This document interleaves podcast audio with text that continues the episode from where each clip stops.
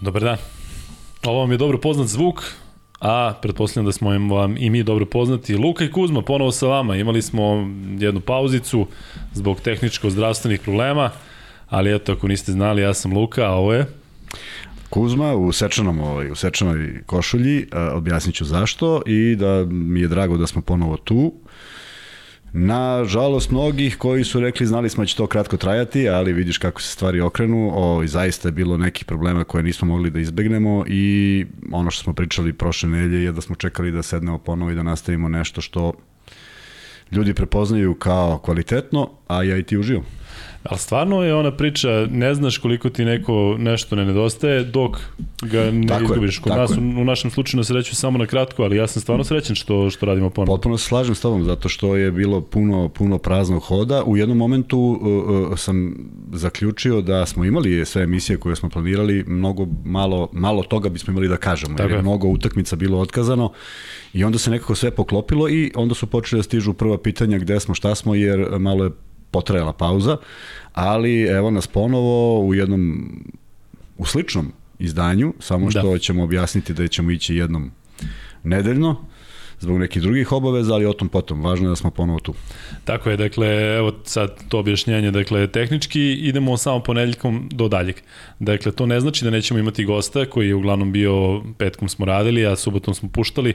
E, imaćemo goste, pa ćemo to jednostavno gledati da nakalemimo u ponedeljak, odnosno da kada imamo gosta manje pričamo o ovim e, dnevno aktualnim stvarima, ali standardni termin koji se i pokazao kao najbolji je ponedeljak 18 e, časova, tako da tu smo. Što se tiče imena, sve smo bliži znači zaista da ostane to podcast sa Lukom i Kuzmom. Probali smo sve varijante, e, sve te, te, svu terminologiju košarkašku.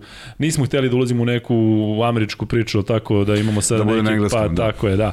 Ali ovaj, nekako se ovo, ajde da kažem, primilo. Jeste, i da. meni ne, ne predstavlja problem. Pogledali smo sve one predloge koje su poslali tako je. gledaoci, ništa nam I nije... I privatno su nam tako ljudi davali tako predloge tako koje smo i mi imali u glavi, tako je. ali ništa po, se neki nije... Neki su ponavljali, tako. Tako je, tako je. E sad, da ja objasnim zašto sam u svečanoj košulji. Ti ne Ajde. znaš možda priču o ovoj košulji. Svečanoj ili sečanoj? Svečanoj, svečanoj. Dobro. Ovo je, ovaj, prošlo je, i žao mi je što nismo imali, ovo je jedini razlog zašto mi je žao, što mi je žao što nismo imali u januaru emisije, zato što je to bio baš jubilej, 8. januara je bila utakmica u 7. ili 8. 2016. Crvena zvezda Fener. I jedan časopis je obratio posebnu pažnju na moju košulju sa pitanjem gde, Kuzmanoviću gde si kupio košulju. I to je valjda bila najvažnija stvar na toj utakmici i onda ja nikad nisam stigao da odgovorim da je ovaj košulja Desigual i da sam je uzeo u tržnom centru u Zira. Eto, mislim da ljudi sada znaju, a to je izazvalo mnogo kontroverzije jer je to bila nekako a, najvažnija stvar šta sam ja obukao, bilo je nekih ljudi koji su to iz nekog razloga želeli da posmatraju i da znaju. I a, sad je prilika, pošto smo u emisiju koji nema nekog naročitog kodeksa oblačenja, nema nikakvog, sad, nema nikakvog sad mogu da nosim da i kažem to je pao 8. januar je bila šestogodišnjica tog dešavanja i što je najsmešnije kad ukucaš Vlada Kuzmanović jedna od prvih stvari koja izađe to je to, znaš. Da. Tako da, Ali, da eto. Pazi, sad kad si već izreklamirao i Ziru i proizvođača košulja, očekujemo sponzorstva neka. Odmah, ja mislim da već, evo ga već zvoni telefon. U samu tim košuljama se i pojavljamo u budući. Ali šalu, šalu na stranu, svaka tebi čast kako pamtiš te godišnjice i sve, mislim, to je bilo, to je bilo, tako. to je bilo na Facebooku, to je bilo potpuno Gore je Facebook, da, da, da. I mislim, ne znam čime je izazvano, ali čak se išlo i dotle gde sam kupio Havajku, znaš, sada stvarno treba malo ovaj, poznavati neke stvari pa pričati o tome, a pritom uoklopio sam se u ambijent fantastično i ima jedna slika ta koja je izašla, u stvari a, moje telo je u sklopu sa bojama navijača koji su iza mene, tako da izgleda baš A pazi, te treba. boje više deluju fenerovski nego zvezdine, znaš. Deluju, ili Fener i zvezda i pa sad da, tu ima si, svega, da. Dobro, e, krećemo sada i sa onom našom pričom i naravno krećemo od zvezde, tačnije nastavljamo posle ovoga što je Kuzma rekao i dalje smo u Euroligi, do duše nije Fenerbahče, Fenerbahče ako se ne vram gostuje 27. ili 3. 27. februara ili 3. E, marta, ali dolazi u Beograd, to je utakmica koja je trebalo da se igra baš u ovom periodu kada mi nismo radili.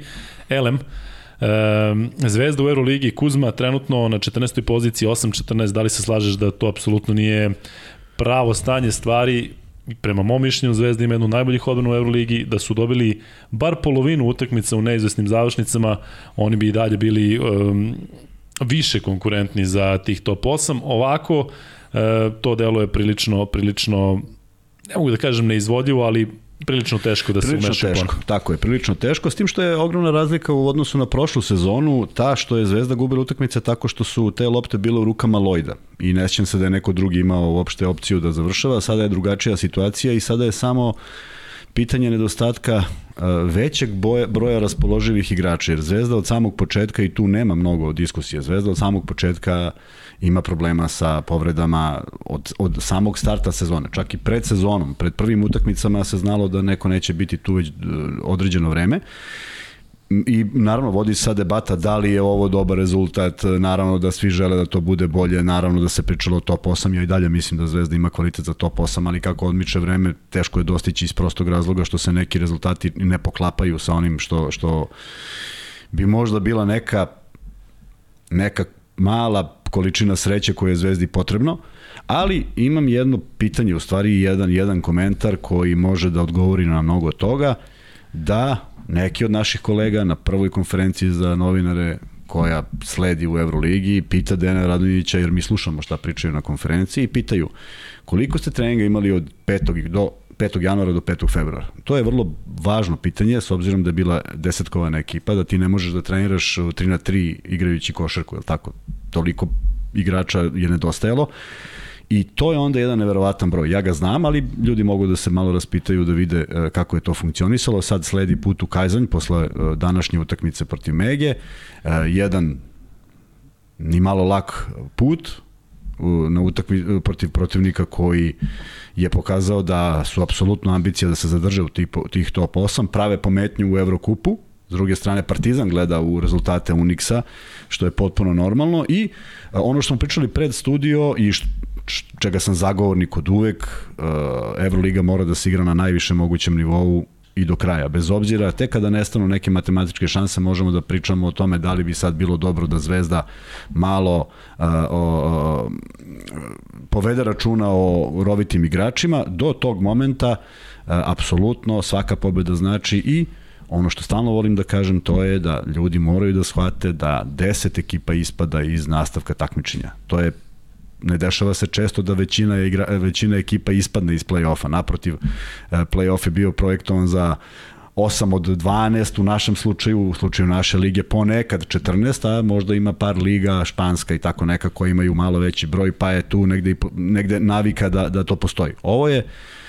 ozbiljan udarac će biti za mnoge ekipe, ne samo za Crvenu zvezdu, svi žele da se domognu tog play-offa, a bit će velikih imena koja neće uspeti da uđu u tih osam. Primjer radi, evo ovako stoji za sada slika, odnosno ovako izgleda tabela. Real i Barcelona na prvoj i drugoj poziciji, Armani i Zenit na trećoj i četvrtoj. I to su ekipe, dobro, ne možda Zenit, zato što Zenit ima 14-8, CSKA ima 14-9 koji je peti, zatim sled Olimpijakos, Unix i Anadolu Efes koji je aktualni šampion i koji je trenutno osmi, dakle na tom poslednjem mestu koji vodi u Euroligu i oni imaju skoro 12-11. Ono što je malo sada... E, čudno je to što neke ekipe imaju tri utakmice više u odnosu Tako na druge i, i onda, znaš, pogledaš tabelu i sad vidiš Fenerbahče da. 21 meč, a imaš, e, većina ekipa ima, dosta ekipa ima i 24 odigrane utakmice. E, Zvezda ima još 12 utakmica do kraja. Dakle, Zvezda je odigla 22 meča, ukupno 34 kola, dakle, može da se, da se popravi situacija, može ponovo nekom serijom pobeda da se uđe u ozbiljniju trku.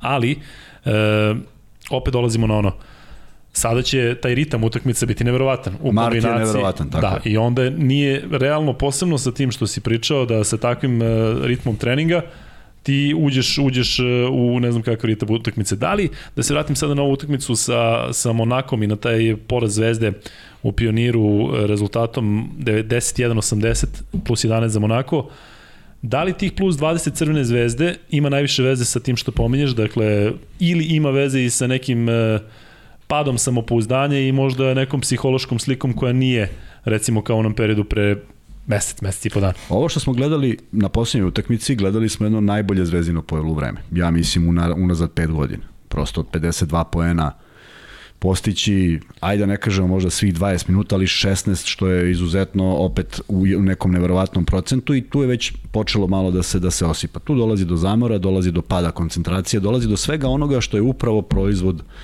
netreniranja. Ajde da vratimo samo kogod može, a ja sam uvek bio u stanju da vraćam utakmice koje, koje gledam ili koje igram, pa ih obrćem još neko vreme.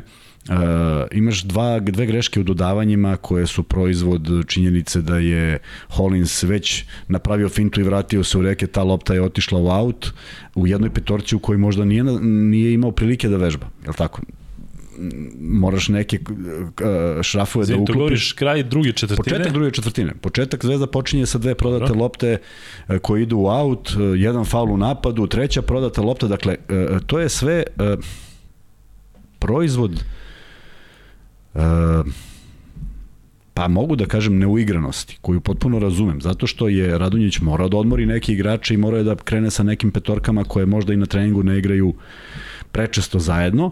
S druge strane, ako vratimo samo dva dana ranije i setimo se fantastične odbrane uh, Armanija, uh, Monako nije bio na tom nivou, dakle nije to sad bila posledica neverovatne odbrane koliko je Zvezda bila zaista onako doživela jedan, jedan, jedan krah uh, u suštini neopisiv iz prostog razloga što uh, tih 20 poena je davalo nadu za nekom normalnijom završnicom, nekom mirnijom završnicom, pa neka se završi 1-2, niko se neće sećati da je bilo 20. Ali, kada se to sve raspadne i preokrene i kada Zvezda ima tri šuta u trećoj četvrtini, samo da podigne tu razliku i da malo više ubaci nervozu u nervozu ekipu Monaka, ni to se nije desilo. Tri igrača su šutirala i tri promašaja i onda dolazi do potpunog, potpunog kolapsa. Naravno, igračima je najteže. E, uređene su neke stvari, bili su neki neverovatni potezi za taj nivo utakmice i dalje ja smatram da je to isključivo posledica malog broja treninga, malog e, kratkog vremena za uigravanje, za prepoznavanje nekih stvari i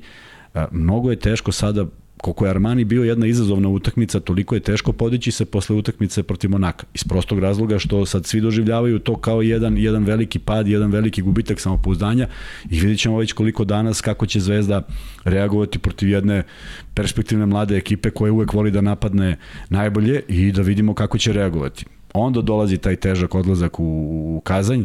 Uh, opet je počeo Kazan da igra promenjivo i opet nisu postigli više od 50 poena u jednom momentu. Ono što smo mi najavili i mislili da će da biti može, ranije. Tako je, da može da se desi.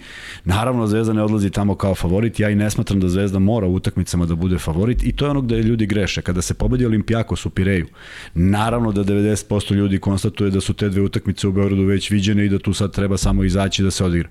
Uh, Armani je izuzetno jaka ekipa i oni će moguće doći do nekog mesta koje neće biti četvrto, nego možda i malo iznad.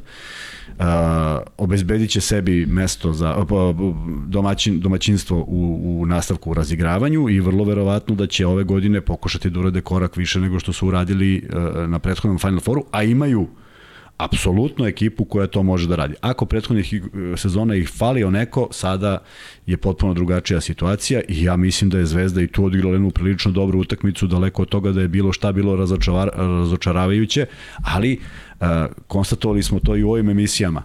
Da bi Zvezda napravila korak dalje da bi pobedila jednu takvu ekipu, tu mora da se poklopi mnogo kockica i tu mora da bude raspoloživih 8-9 igrača. Nažalost, Davidovca ne gledamo više u onoj formi u kojoj je bio, ta povreda koja ga je potpuno poremetila na početku sezone, očigledno da i dalje traje. Dobrić taman u uzlaznoj formi dobije udarac u rame, pauzira par utakmica, znaš, sve to utiče na, na, na, na igrače. Cirbes, gde navijači žele da on bude na parketu, utakmica protiv Monaka, on je zaista odigrao jednu fantastičnu minijaturu u tih 7-8 minuta, ali mislim da kad izlazio na van terena da je on jedva disao. Dakle, mi ne možemo ni da pretpostavimo kako se COVID odrazio na pojedine igrače i, i kako, u kom su oni stanju. To niko i ne priča i možda to ljude i ne zanima, ali trebalo bi da zanima zato što a, smo gledali onog tenisera iz Uzbekistana ili odakle koji je prekinuo meč jer ne može da diše. Odavno je prošao COVID, odavno je prošlo sve, ali prosto odrazilo se na zdravlje. Tako da, e, mnogo trpe igrači sada, jer ove utakmice, broj ovih utakmica je neverovatan, žele da izađu, da budu u najboljem izdanju, nema tog igrača koji ne želi da pokaže najviše što može. E, kada uđeš u jednu minus fazu, jako teško se iz nje izlazi i onda praviš poteze koje nikada ne bi napravio i sve to utiče da će e, e, nastavak sezone morati nekako da, da, da, da, da ili da upotrebe sve igrače pa po cenu žrtvovanja utakmica, jer mart donosi, to jest april donosi završnicu Jadranske lige koja je opet naravno vrlo važna i svima prioritet i tu se gleda neki kredibilitet i želja da se bude prvi, iako, ajde opet da napomenemo, to mesto zvanično po uh, saznanjima koje imamo od, pre, od prethodne sezone ne vodi direktno. Dakle, to je nešto što je opet na Više nešto što se podrazumeva. Nešto što je na odlukama... Ali na papiru... Tako, Euroliga na papiru ne, ne postoji. Tako je. Da. Kuzma, igrački, reci mi kratko, da li je e, teže izgubiti meč od Armanija, gde si praktično ceo duel u egalu, izgubiš sa šest razlike, ili ovako gde vodiš 20, pa onda izgubiš na kraju 10. Ovo, zato što, ovaj drugi poraz, zato što ne samo zato što si izgubio tih 30 razlike, što jeste, jeste neverovatno, ali uh, prisustvovali smo nečemu da nije odlučila nečija loša forma. Jednostavno video si ekipu koja nije imala dovoljno snage i koncentracije. Uh, snaga i koncentracija idu zajedno kada si ti u formi, kada si ti u treningu. Kada nisi u treningu, to je ozbiljan problem. I možeš da kompenzuješ jednu utakmicu, možeš možda i deo utakmice, ali ne možeš celu utakmicu da, da, da varaš na neki način. E, slažem se ja da će svi reći da i Armani u sličnim problemima i da ima isto manje treninga i sve to. Ali Uh, moramo da shvatimo još jednu stvar. Američki igrači koji dolaze u Evropu dolaze sa drugačijim mentalitetom. Uh, ja bih volao da mi vidimo Davidovca i Dobrića od početka njihovih karijera kako šutiraju iz svih pozicija, kako ih ne zanima šta je sa rezultatom, kako je kako veruju da će sledeća lopta da uđe. Jednostavno govorimo o o mentalitetu koji jeste drugačiji, koji je evropska košarka sama po sebi imala. Tako da lakše se prilagođavaju američki igrači ovome što sada gledamo u Euroligi lakše se prilagođavaju kriterijumu suđenja. Dakle, utakmica protiv Armanija prebačena 15 godina unazad, ne bi se ni završila jer bi svi bili na polju sa, sa penalima. A, a, onda kažu šta je Zvezda igrala, šta je igrao Armani. Sad ispalo je da je Zvezda igrala neku e, degradaciju košarkaš, koš, košarke, e, jednostavno to je način da se dođe do, do, do, do pobede, pa koristiš sva raspoloživa sredstva i tu uvek bilo legitimno pravo. Ali, zaista verujem da su da je kriterijum otišao predaleko i da imamo ima sve manje lepih poteza u kojima možemo da uživamo uh, onako kao zaljubljenici u košarku, ne navijački, tako da i to utiče na, na neku spremnost ekipa. U ostalom, ono što jedino mogu da zamerim igračima uh, protiv Armanija jeste kako se, kako se kada se lopta dobije ispod koša, kako se ide na koš. Vide, to smo videli u primjeru Heinza koji raširi laktove, pa ako neko pokuša da folira, može samo da polomi prst ili nešto. Zvezda imala pet ili šest zicara koji nisu završili u košu jer su bili dovoljno jaki faulovi, ali tu prosto koncentracija mora da bude takva da zaštitiš loptu i da pokušaš da poentiraš jer bi tih pet zicara sami po sebi već doneli drugačiju sliku na terenu, a kamoli uz taj jedan dodatni penal. Ljudi se hvataju za tu prvu četvrtinu protiv Armanije tih 8-7. Da li to misliš da je nešto što, što ne, ne mogu da kažem šteti timu i igračima, ali priča se o tome da to nije košak. A primer radi isti taj dan, nekoliko sati kasnije, Barcelona Bayern igraju prvu četvrtinu 9-9. Odlična utakmica na kojoj Barsa dobila, tako je. dobila u egalu. Dešava se. Dešava se, dešava se i ne treba posmatrati. I to je u stvari proizvod i ovoga što si pričao. M ne igra se, tako M stvarno ako nešto tako Zvezda igra ove sezone igra odbranu. Igra odbranu. Ako nešto igra Armani e. sa onakvom ekipom igra odbranu. E, sad, ovde, ovde se ipak ta prva četvrtina ja posmatram na sledeći način. Armani je promašio gro otvorenih šuteva, čime su ušli u nervozu, ozbiljnu nervozu. Pa tek kada, je, kada su ušli igrači sa klupe, pogođene su, pogođeni su prvi šutevi. Uh, Armani je s druge strane odigrao van, fantastičnu odbranu. Potpuno izbacio igrače Zvezde i video si one nekontrolisane pasove koji su zaista proizvod činjenice da su se dodavali na preko 8 metara od koša. Jednostavno sve su zatvorili. Tako, Međutim, lota lepti do led i dugo može da je preseče cela petorka. Tako je. Međutim, uh, podsjeti se starta druge, treće četvrtine, to jest drugog poluvremena, kada Zvezda počinje da nalazi uh, rešenja post-up igrom, pa je dole Kalinić, pa je dole Kuzmić, pa par lepih asistencija, lakih poena. E, onda, onda ovi uzmu timeout, saberu se malo i upravo zatvore to. Sad ti treba da nađeš neko drugo rešenje protiv ekipe Armanija koja igra dovoljno dobro, e, gde imaš dva uh, italijanska igrača koji su zajedno dali četiri poena, tako da tome i Meli su postigli 4 poena, ali proveli su ozbiljno vreme na parketu i to je ono kad Messi, Messina zna zašto su oni na parketu.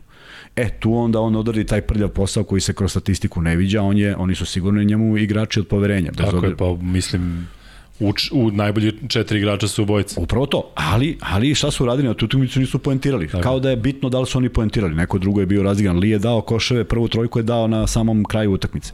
Tako da e, ta utakmica je bila mnogo drugačija, onda dolazimo onako gde je sad naboj da se savladamo onako, dolazi Saša Obradović, tu ima malo i folklora, el tako malo zvižduka svega ovoga i naravno da su igrači želeli. I ne samo da su želeli, nego su odigrali zaista izuzetno prvo polovreme. Što defanzivno, što ofanzivno, jer su imali oko 75% šut, To je bilo prosto neverovatno, makar da. do 16. minuta.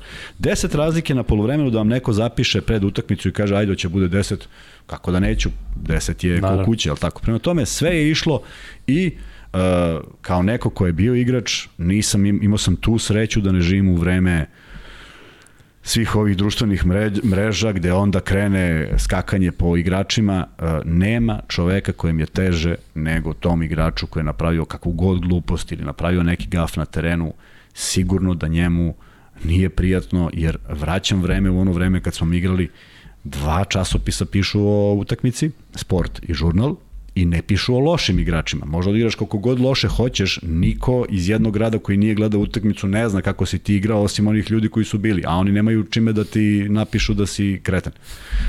Tako da, e, mnogo je mnogo je ljudi koji nekako raduju se da da to bude loše, znaš. I onda se nađe jedna ozbiljna plejada ljudi koji stvarno daju podršku i kažu upravo ovo što pričam. Pa njima mora da bude najteže.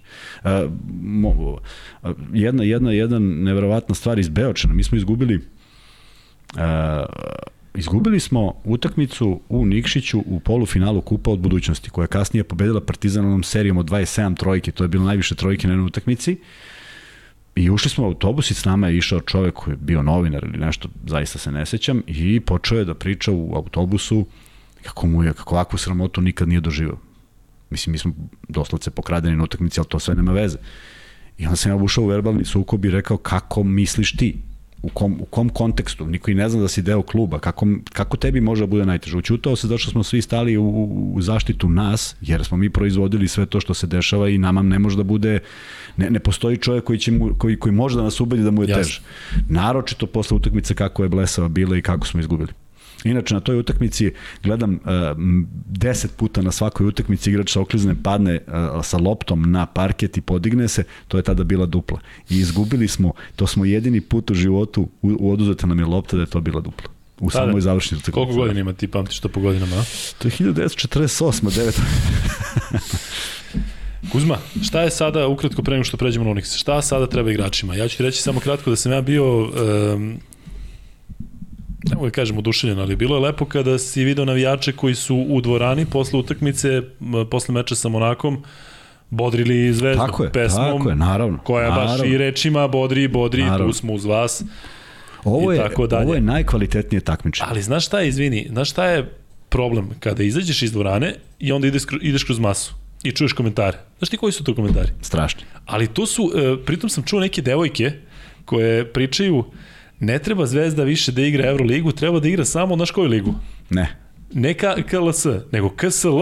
KSL, znači, ona zna, to je to, pa da, znači da nešto pritom, postoji. Pritom, znaš, nalaze se sada krivci, sad jednom kao Radonjić, Radonjić je kriv, možeš misliti. Naravno, sada, sad kreće, kao i uvek. Ali kao kažem ti, vidiš, bukvalno pet minuta ranije u dvorani pola dvorane je ostalo da bodri zvezdu, ispratili su ih aplauzom i onda ideš kroz masu, moraš da izađeš iz pionira negde, I kažem ti, čuješ ljude koji uspit pričaju. I onda vidiš da se ne razume u košarku zato što kažem ti, KSL, uh, Radović, Radović je zeznuo što nije tražio time out, Radović, možeš misliti.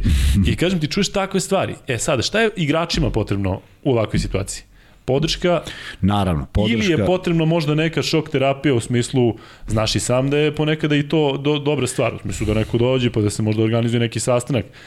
Nekada to zna da donese, donese dobru stvar. Ako, o, o, svako ko ima iskustva i vide, ko je video šta se desilo na toj utakmici nema šta da zameri. Potpuno jedan, jedan raspad sistema. I nema tu sad odgovoranje jedan ili drugi ili ih je trojica. Ne, jednostavno zaista se odrazilo na sve.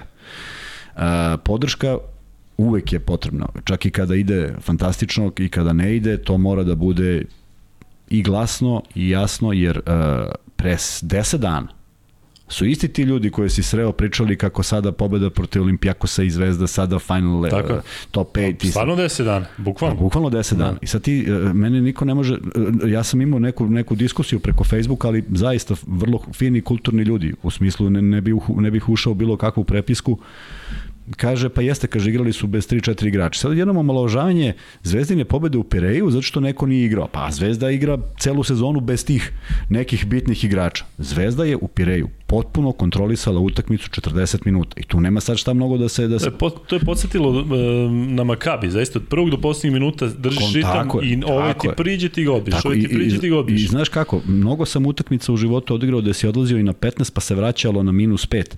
I ima onih utakmica kada je 5 konstantno i prosto još 3 dana da se igra da, biće da, između da, da. 2 i 5. Tako da Zvezda je takvu utakmicu odigrala, to nije ni malo lako odigrati na gostujućem terenu. Prema tome, ne može od, u 10 dana da se promeni cela filozofija, a da ne vidiš da se igračima nešto desilo, ja duboko verujem da je umor čini svoje i te prodate lopte su proizvod neuigranosti. Uh, uvek se vratim na timove u kojima sam igrao, uvek se vratim na saigrača kojim sam najviše godina prvo to je Milenko Topić. Ja kad god je bacim, ja znam gde je bacam i on mora da bude tamo jer se toliko dugo poznajem. Ovo su bile greške koje se negde izbegavaju u septembru mesecu i kažeš e kad uradiš sačekaj. Nije i Marković je došao dosta kasno. I Holin se tražio dosta dug period, je tako? I svi su se igrači nekako uh, uklapali, a Zvezda je tek protiv Armanija izašlo u onom sastavu da Radonjić ima još Lazarevića i Simonovića i da može da kaže, e ja sad biram zaista 12 od 14 koliko je. Nemamo mi ništa generalno od toga da sada nešto pravdamo, ali zaista je, nikada se sigurno ni tebi nije desilo u karijeri da je cela ekipa bolesna. Znači, da, sam da, znaš, ovo je bilo, znači ti imaš troje, četvro, petoro, ali znaš da je neko kida i da je u formi, pa mu daš loptu. Ali ti kad imaš koroniranu celu ekipu i kada svi pauziraju, gde ćeš? Kome I vraćam se na ovo, kako se odrazila na svakoga? Jel na svakog je. isto, to je nemoguće, kao što ne postoji identična povreda u svetu sporta. I to sporta. i fizički, ali i mentalno, I mentalno. Zato što ti se pitaš, znaš šta se dešava, mentalno, te čuješ korona, pa mora da se pregleda, pa tako da ne? Pa onda, pa onda počneš da dišeš malo loše, pa ti srce zalupa, pa ti već nije svejedno. A s druge strane, znaš da te čeka opet neki test koji sutra možda kaže da si pozitivan. Tako, tako. Dakle, stres je nenormalan, a mi posmatramo što oni nisu u najboljem izdanju a, a ne živimo u najboljim izdanjima privatne života. A pazi, pritom ti i ja, evo, svako na svoj način prati zvezdu. Pazi, naš ritam, pa je zahtevno u smislu. Da, da, da. A zamisli da igrač koji, mogu, koji, koji on. Ne mogu da zamislim uopšte. I uopšte im ne zavidim. Idemo na Unix. E, šta da očekujemo sada? Unix je ekipa koja je pobedila Zvezdu sa 20 pojena razlike sa onom neverovatnom partijom u, u, u Pioniru, odnosno u Durani Aleksandar Nikolić, ja mislim da će u celu života govoriti Pionir, ali e, Unix e, je stvarno igrao od prvog do poslednjeg minuta napadački ide u utakmicu i to im nije prvi put. Tako. Dešavalo se i prvi posle, dakle nije slučajnost. Tako. Međutim, počeli su da padaju u poslednje vreme, mi smo to i najavili da jednostavno ekipa gde imaš toliko tih e, košgetera i šutera jednostavno ne može celu sezonu da odigra kako treba. Izgubili su od Albe 81-53. Pazi, to, to je prosto nemoguće za onu ekipu koju smo gledali. Radila, tako. tako je. E, ali vidiš, to, o tome pričamo. Nema, nema ekipe koja, šta, gde je CSKA? Gde je onaj CSKA, je li tako? Da. O, o, strahoviti CSKA koji je samo bilo pitanje koja će biti razlika. Nisu oni promenili tim nenormalno. Ali kad se vrati Milutinov, to jest kad se vratio Milutinov, ti moraš da ga, ne može onda počne da igra kao blesav i da igra i da igra. Mora neko vreme da se adaptira na sve to. Vajt se vratio pre vremena. Vajt se vratio s jednom nenormalnom željom. Trenirao je konstantno. Znaš koliko izgleda trening kad ti treniraš sam i kad uđeš u 5 na 5 pa, pa, pa izašao posle 4 minuta uopšte nije znao šta da. mu se desilo. Dakle, on, je, on ima želju. A onda se to posmatra, evo, pa, došao je, nije ništa uradio. Nije ništa uradio. Kad bi svako od igrača, u, i u moje vreme, čekao da se potpuno oporavi, pa on bi počeo da igra za 3,5 meseca. Pritom to, povreda Vajta ma, teška. Teška, teška, da teža ne može da bude, da. Tako da, uh, ce, uh, sa Unixom uvek ono što smo najavljivali i u studiju i ovde. Ja želim Zvezdinu dobru utakmicu. Da li će to biti dovoljno za pobedu? Ne znam. A šta je taktički sada potrebno? Ako znaš da ti Unix dao 95 poena, a da si ti isto igrao svoj odbranu. Mora se igra isto. Dakle, nema neki sada promena. Nije sada ne, kao protiv ne, ovog Unixa. Ne, ne, Zvezda nego ne odbrana, iz odbrane strpljivo u napadu. Dakle, tako, dakle, sve se svodi na isto. Tako. Sve se svodi na isto. I da. Zvezda, i Zvezda, nažalost, ili ne znam, možda, možda i na sreću sa nekim sa nekim uh, uh, možda za nijansu kvalitetnijim igračima, bi taj ritam morala da zadrži. Slažem se da White treba da povuče kontrol i takvih igrača je 2-3, jel tako, Ivanović, White koji su neki brzanjci, Wolters, čak i Wolters koji nekako uspori kad ode, kad ode u kontranapad. Da. A, nema, nema zvezda tu moć da, da, da se transformiše tako brzo. Treba koristiti, ali sa Unixom ući u trku Videli smo kako izgleda kad ne uđu u trku, da. a zamisli kad uđu. Prema tome, mnogo će zavisiti od raspoloženja igrača Unixa, ali ja bih želeo da vidim dobru zvezdinu odbranu u napadu koliko su u mogućnosti da odigraju i da kažemo da konstatujemo da je to bila jedna dobra partija ako je otišla u jednom smeru, da. Zvezda ove godine nije imala nikakve strahovite poraze. Možda je najubedljivija igra baš bila ta protiv Unixa. Znači, svi ostali porazi spadaju u domen ili očekivanog, da, ili se igralo na loptu, je tako? Prema tome, Uh, jako je teško podići, čak, čak jako je teško podići formu u momentu kad nemaš vremena ni za to. Jer uvijek je postojala neka pauza u Euroligi ili u domaćoj, pa ti kažeš, ok, dolaze dva sad lakša protivnika, sad ćemo mi da krenemo neku teretanu, neki, neki, neki, neko forsiranje kondicije, pa trener zna kako to da ukombinuje, pa ta prva utakmica bude malo mučna, već se u drugoj posle 14 dana vratio, ali si onaj period, onaj moment odigravanja najvažnijih utakmica ipak uspeo da sačuvaš da ne izađeš na teren, a da nisi u punoj formi. Nažalost, svaka utakmica je prezahtevna u Euroligi. Nema ni jedan lak protivnik. E, kogod bude bio iz, iza zvezde, verujem da će biti takvih klubova. Ni oni nisu bili klubovi koje možeš da računaš da ih pobeđuješ tako što si došao na teren. Moraš da se pomuči. I Euroliga tako izgleda.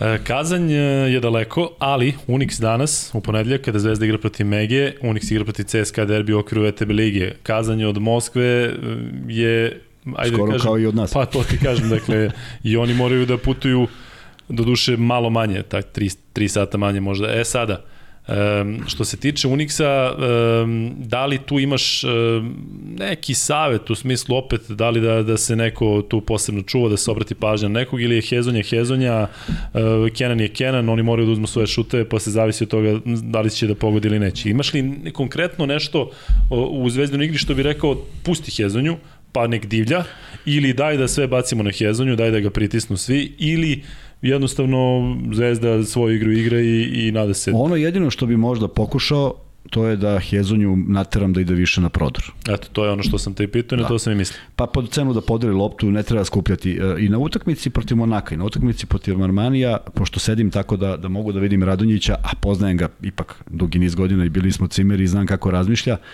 na svaki prodor u 1 na 1, kada lopta ode, nervirao se zašto je taj igrač preblizu stao. E, to su stvari koje se rešavaju na treningu. Ne rešavaju se na utakmici. E, e, e izvini, time out, e, malo si blizu taj, on kaže sad ću sledeći put stanem. Ne ide to tako. Nego ti to ulazi u, u, u razmišljanje gde stojiš. Svaki taj korak bliže sredini kada neko probija, znači da je mnogo teže stići do protivnika, a imaju izuzetne šutere. Dakle, ako je već jedan na jedan i ako je ta odbrana primarna, to mora da bude odbrana u, po cenu faula, pa neka se završi utakmica sa 50 penala, niko neće, niko neće žaliti. Ono što je, što je Zvezda mogla da uradi protiv Armani je upravo to. Armani nije izveo ni jedan penal do samog kraja utakmice. Posle je šutno Meli 2-1, na primjer. Moralo je da bude po cenu uh, uh, uh, da, da ne razvijaju svoju igru. Pogodili su neke trojke uh, jako zahtevne na kvalitet igrača, ali to, to je znak da kada nisi u problemu sa faulem, moraš da budeš bliže. Moraš da budeš, da budeš bliže po cenu da on krene na prodor, pa imaš vremena da stigneš. Ima ko da napravi faul. Prekino si jednu akciju, možda će se nervirati pa nešto šutnuti iz bržeg napada u sledećem momentu. Sve to mora da se zna, a kažem, sve to polazi od 5 na 5 na treningu i ozbiljnog fokusa kako se protiv koga igra. Nema vremena za to. Misliš na verovatno trojke Dilenija, pre tako svega. Je, tako je. Kada je Dileni davao sve ono što je davao i onako kako je dao bez koski, pomislio sam da Zvezda ipak nema takvog igrača. Nema. Kome ćeš nema. ti dati loptu u ruke i nema. skloniti se i ti vidiš da on baca frljoku nema. i to ulazi i, i da li je Zvezdi takav igrač potreban ili misliš da bi narušio ovakvu kompaktnu celinu? Uh, ima... Mislim, Lloyd je takav igrač. Da se Jeste, nalažem. ali prošle godine koncepcija bila da Lloyd mora sve. Da, Znaš, da, da. Možda je Lloyd takav igrač pa u nekom sistemu, jer on sad, on sad u, u Zenitu nije neko ko konstantno rešava. Da. Zato što ima više igrača, ali činjenica da treba neko ko je pouzdan. U krajnjem slučaju, svi su shvatili da je to Beron na utakmici protiv Zvezde, pa je izvuku utakmicu koju Zvezda morala da dobije i to je možda veća žal što Zvezda da. nije dobila Zenit nego što je izgubila od Monaka na ovaj način. Ako posmatramo koliko su blizu pobede bili. Međutim, A, nema i zvezda, da li su oni skupi, da li, ja stvarno ne ulazim u to, evo sad diskusija zašto je Cirbes ostao pa igra malo, diskusija, ne diskusija ljudi iz košarke, diskusija ljudi koji navijaju pa bi volili da, da. nešto vide, ja ne znam, ne znam da na tržištu bilo dovoljno uh, igrača koji su mogli da se uklope, da li je uh, Cirbes možda je on na treningu fantastičan, zaista ne znam, ali to su sve neke ocene koje su paušalne, da. zašto nisu ovo ili zašto nisu ono kao da rastu i ti igrači i čekaju da ih neko pozove, u životnoj formi, pa kad dođe to krene da, da, da, da puca kako izgleda. Nije to baš tako. E, opet se vratim na neko svoje iskustvo, mi nikad nismo dobili igrača u polusezoni, prosto nije bilo takvo vreme, tako da i ne mogu da pričam kako to izgleda, ali i to je navik. I to je navikavanje na novog igrača. Zvezda je mislila da je Hollins taj, I evo gledamo Hollinsa u 3-4 utakmice u izuzetno dobrom izdanju, ali je to neko čekao strpljivo da on proradi, jer ko zna kako bi se određene utakmice završavale, samo da je on dao ne fantastičan procenat šuta kada je šutirao, nego samo da je bio u jednom pristojnom procentu šuta, mnoge utakmice bi se drugačije završile i ne bi, ne bi određeni igrači vukli 40 minuta celu utakmicu. Što se odražava naravno na, na sezonu. Zvezda dakle igra u petak protiv Unixa u 17 časova po tom kazanjevskom vremenu. Kazanjskovskom. Kazanjskovskom. E, a Partizan igra, prelazimo na Partizan, Partizan igra u sredu protiv Andore. E, Kuzma, e, Partizan je izgubio od Juventuda. E, meni je ono bila jedna od najboljih utakmica koju sam gledao ove sezone, ajde da nešim dalje, ali u Evrokupu. Jako je Partizan e, dobro odigrao prvo polovreme, Juventus drugo, ali sve vreme, to onakav ritam, kažem ti, tebi se to vjerojatno ne dopada zato što si pristalica boljih odbrana i međutim ona utakmica je zaista bila zanimljiva za gledanje i neko ko prvi put gleda košarku. Ko prvi put gleda košarku i kaže uvidi kao što je ovo dobar meč, ajde da gledam još jedan. Da, zagledat će se u Tako je, 92-84, na, nažalost Partizan je izgubio, posle toga su pobedili Borac 75-68, a sada sledi taj meč protiv Andore. Partizan je trenutno u situaciji da e, ne stoji baš najbolje kada govorimo o poziciji E, odnosno borbi za prvo mesto. Juventud koji je pobedio Partizan ima 10-2, Partizan ima 8-4 kao i um, Lokomotiva Kubanj.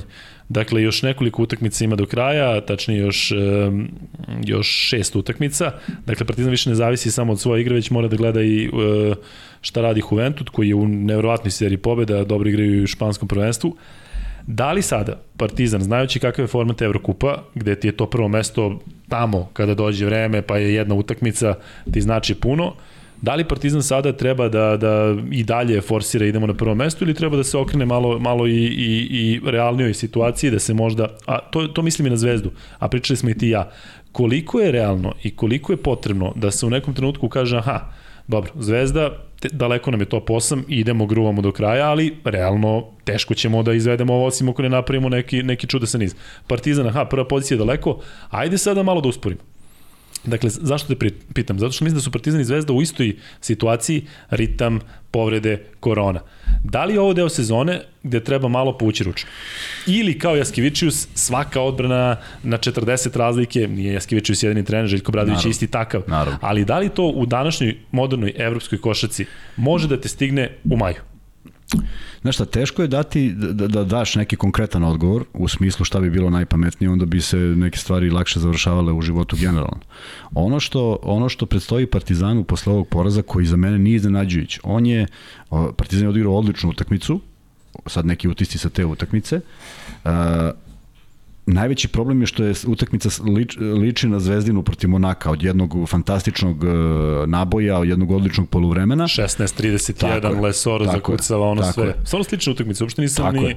ni pomislio. Da. Uh, I tu, je, I tu možda stoji to nešto kao razočarenje neko. Ali ja ga ne vidim, zato što je Juventud na domaćem terenu u seriji kakvo jeste, favoriti, bilo bi u suštini veliko iznenađenje, bez obzira što smatram da to nije najsjajnija ekipa. Bilo bi veliko iznenađenje da Partizan tamo triumfuje u laganoj utakmici. Međutim, i tu na toj utakmici nešto o čemu izbegavam da pričam jer, jer sam ih uvijek posmatrao kao nužno zlo, a, sudije donose drugačije kriterijum u nastavku utakmice, znaš, pa onda gledaš jednu, jednu drugačiju utakmicu od prvog poluvremena, pa neke stvari koje su do tada svirali više ne sviraju. Ne aludiram da li su oni uticali na rezultat, ali poremeti to igrača poremeti igrača.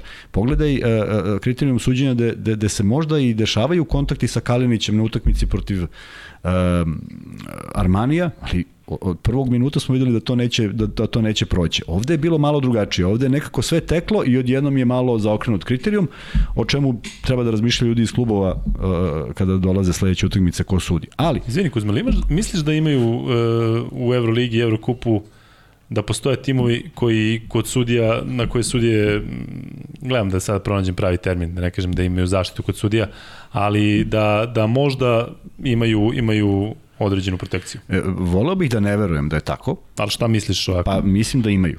Volao bih da ne verujem, sad ću ti reći iz kog razloga. Zaista smo uvek tvrdili da je najbolji sudija ono kojeg ne primetimo. Tako je. Ja ne mogu da setim utakmice da nismo primetili sudije. Zašto? Zato što prvo postoji ono gledanje snimka koje je ubija košarku. Da. Nije donelo ništa novo. Na par, u par navrata su nas ubedili da ono što smo videli da nismo videli, I onda se stvarno pitaš čemu služi. Ajde digresija, mislio sam da će VAR u futbolu samo da bude za gol liniju, jer on to ima smisla da neko ko da gol ne bude uskraćen za gol. Oni gledaju da li mu je nos u ofsajdu i to traje i to je to je ubijanje fudbala. Ja ne verujem da se neko raduje tome uh, uh, kada se to desi na fudbalskoj utakmici. I ima još jedan primjer, moram da ga ispričam sa fudbala. Naime, uh, lopta je ubačena u, u prostor, uh, trči igrač i sudija svira ofsajd igrač odbranbeni staje i ovaj odlazi i daje gol. I sudija kaže mora pogleda snimak. Da pogleda šta? Šta ako nije offside? Šta onda on kaže? Izvinjam se što sam pogrešno dunuo, pa vrati loptu. Dakle, razumeš, nije... nije ali pušta nema... se sada u futbolu sudije Znam, ima... ali hoću kažem, taj je, taj je svirao. Namerno da pusti, Tako da, da, taj je jasno, svirao. Jasno, jasno. Jer to su je početci. Pa seti se na po, početak eh, nesportskih faulova kako je izgledao. Da, da, pa i dan danas je. Nije dan danas imaš besmisla. I imaš sa utakmice protiv Partizana, Partizan Turk Telekom. Ako si pratio utakmicu... Govoriš sad ova posljednja tamo. Da. Dobro. Avramović skida loptu ispod koša i kreće u dribling i protivnički igrač ga ne vidi. I udari ga laktom. I udari ga laktom leđima i sudije gledaju i dosude običan faul. I sad neko, neko, neko ti objasni zašto se gubilo vreme da se gleda. E, e, time sudije sebi daju veliku ulogu. I mislim da mogu da odrede tok utakmice. Ne moraju namerno.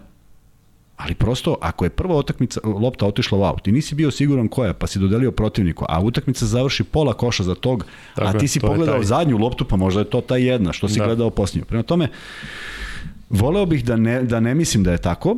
E, situacija mislim da i dalje e, treba e, ne razmišljati o tome. Dakle, niko, niko iz kluba, ne verujem da i u Zvezdi i Partizanu dolaze sa tom idejom da neko će da, da uradi ovo ili ono, pogotovo što Zvezda već godinama jeste partner Euroligi u svakom smislu, a s druge strane Partizan koji ima jednog od najtrofejnijih trenera, je tako, i koji sigurno ima svoj kredibilitet da bi ga neko uh, potkradao na taj način. Ali, ovo što gledamo i te prekide koje vidimo i to uticanje na, na utakmice, na, na, na sam rezultat utakmice, to je za neku analizu. Ja bih volao da izbace gro pravila tog gledanja snimka, da vrate košarku u ono što je bila, a to je da ako se desi sudijska odluka koja je bila, znaš da je ona do, da je, da je instant, da je dosuđena u tom momentu i nema šta sad da je razmatramo. Jer kada sečeš frame pro frame, verovatno bi došlo na neki drugi zaključak, ali to gol oko prosto ne može da vidi. Ili da izbace sudije pa da sve bude kompjuterizovano pa da tako se svira.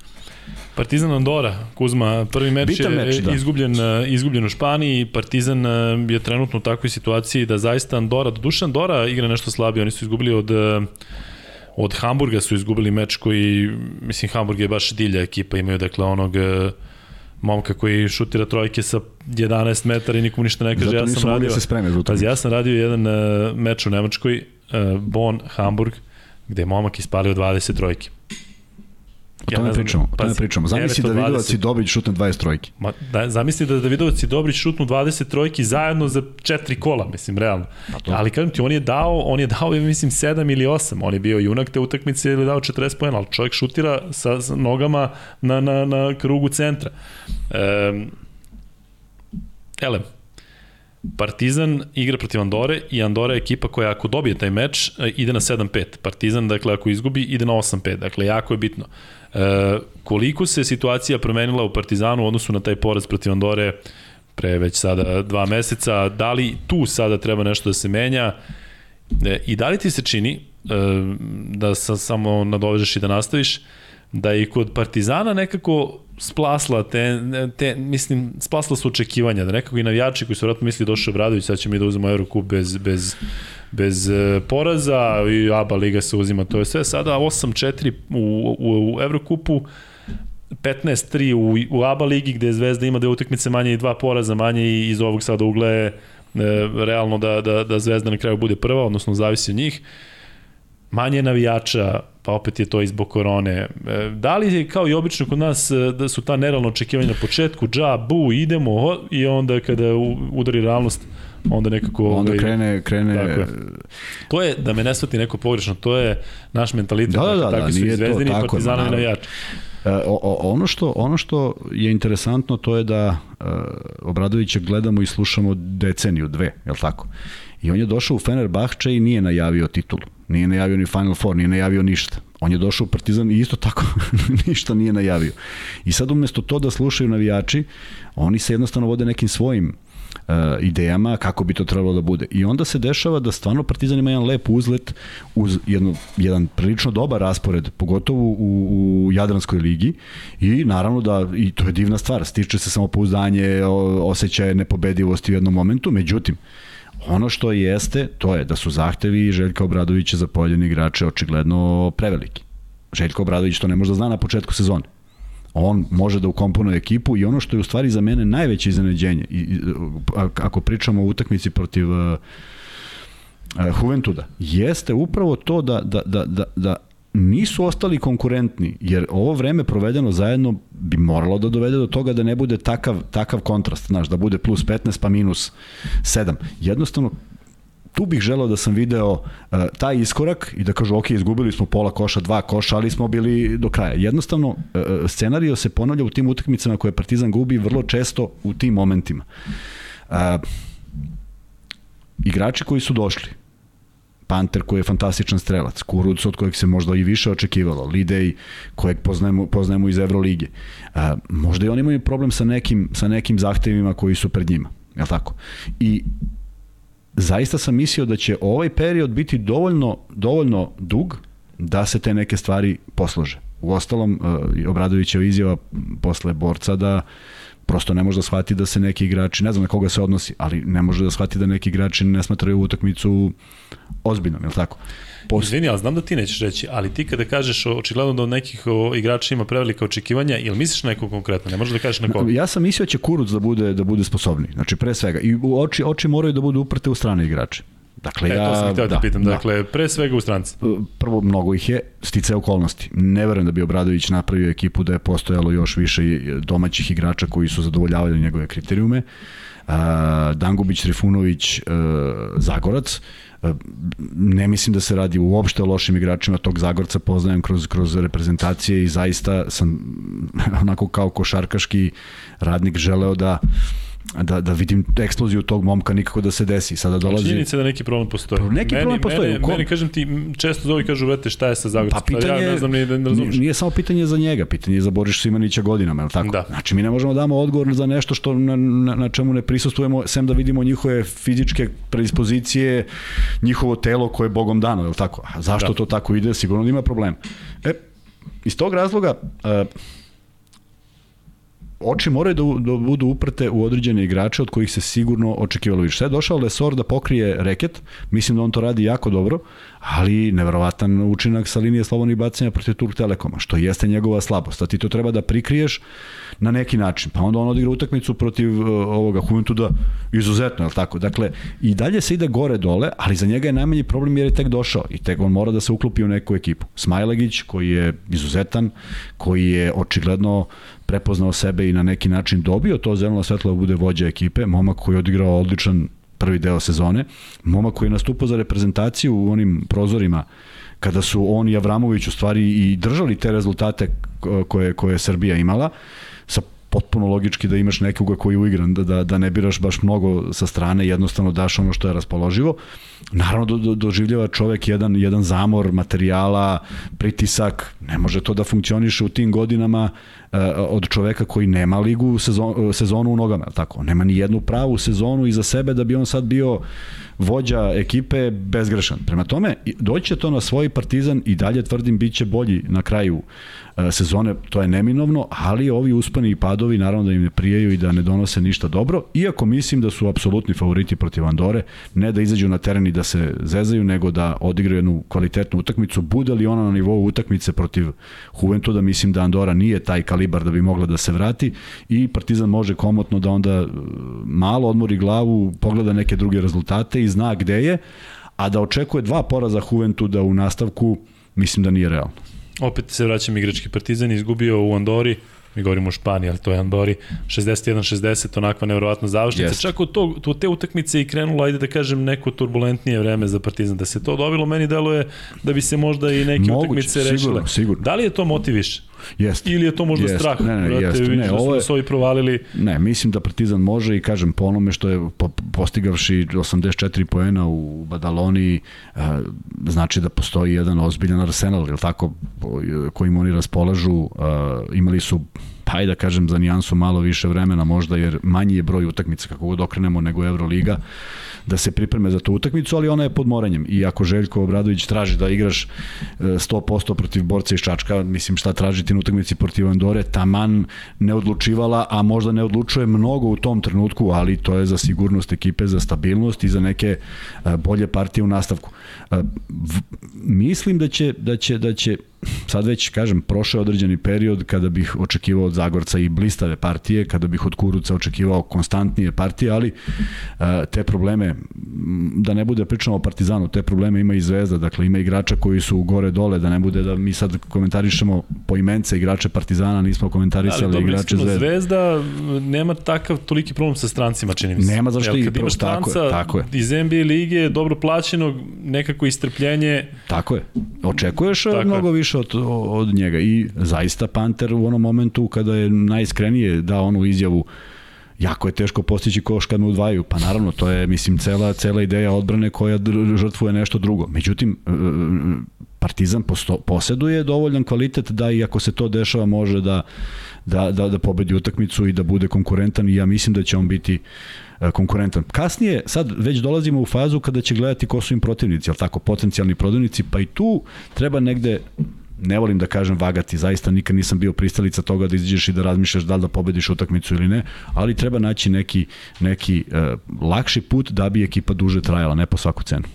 Partizan Andora u sredu 20.30 u dvorani Aleksandar Nikolić e, e, ajde još za kraj kada završimo sad ovaj segment na Partizanu reci mi šta očekuješ od Tristana Vukčevića znam da njegovog oca poznaš bolje nego, nego mi mlađe da, e, ne očekujem mnogo u smislu dečko je tek došao kao što je Balša Koprivica došao u Partizan, pa svi kažu došao Balša Koprivica. Nije, mi još ne znamo. Došao je Alen Smajlegić, mi još ne znamo šta on može.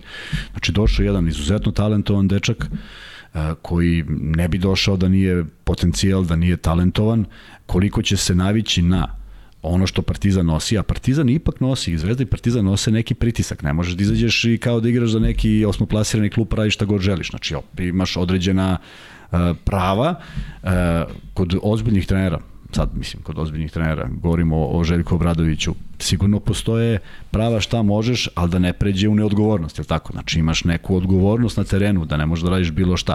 Sve to treba da prođe Tristan Vukčević da bi shvatio šta se od njega traži talena da li on ubaci loptu u koš da je sakrije ili ovo ono ne sumnjam da poseduje. Ako je deo na oca biće odličan.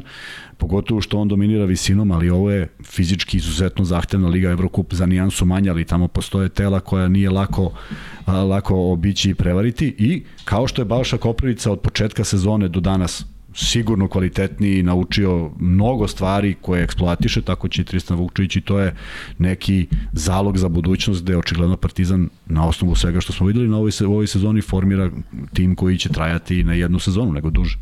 Kuzma, moram i ovo da te pitam, ovo više i mene interesuje, ali radio si sa mlađim kategorijama. Pravim paralelu sada između Marija Nakića i Tristana Vukčevića. Jedan i drugi su deca Reala, jedan i drugi bukvalno u periodu kada su bili deca, sećaš se priča, Mario Nakić biće, ne znam šta, jedan i drugi imaju poznate očeve košarkaše. Tristan Vukčević isto priča, ne znam stanje. I jednog i drugog se, da se nalažemo, Real odrekao.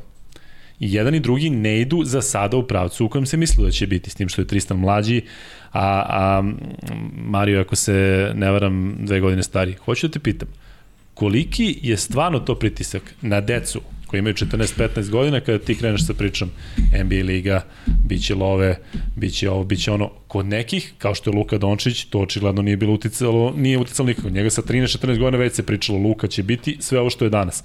Ali generalno, e, kako je sa tom decom uopšte raditi? Da li si kod njih video i taj strah? I, i da moraš da ispuniš i roditeljske želje, ideje, ambicije, i klubske, i menadžerske, i nacije i svega.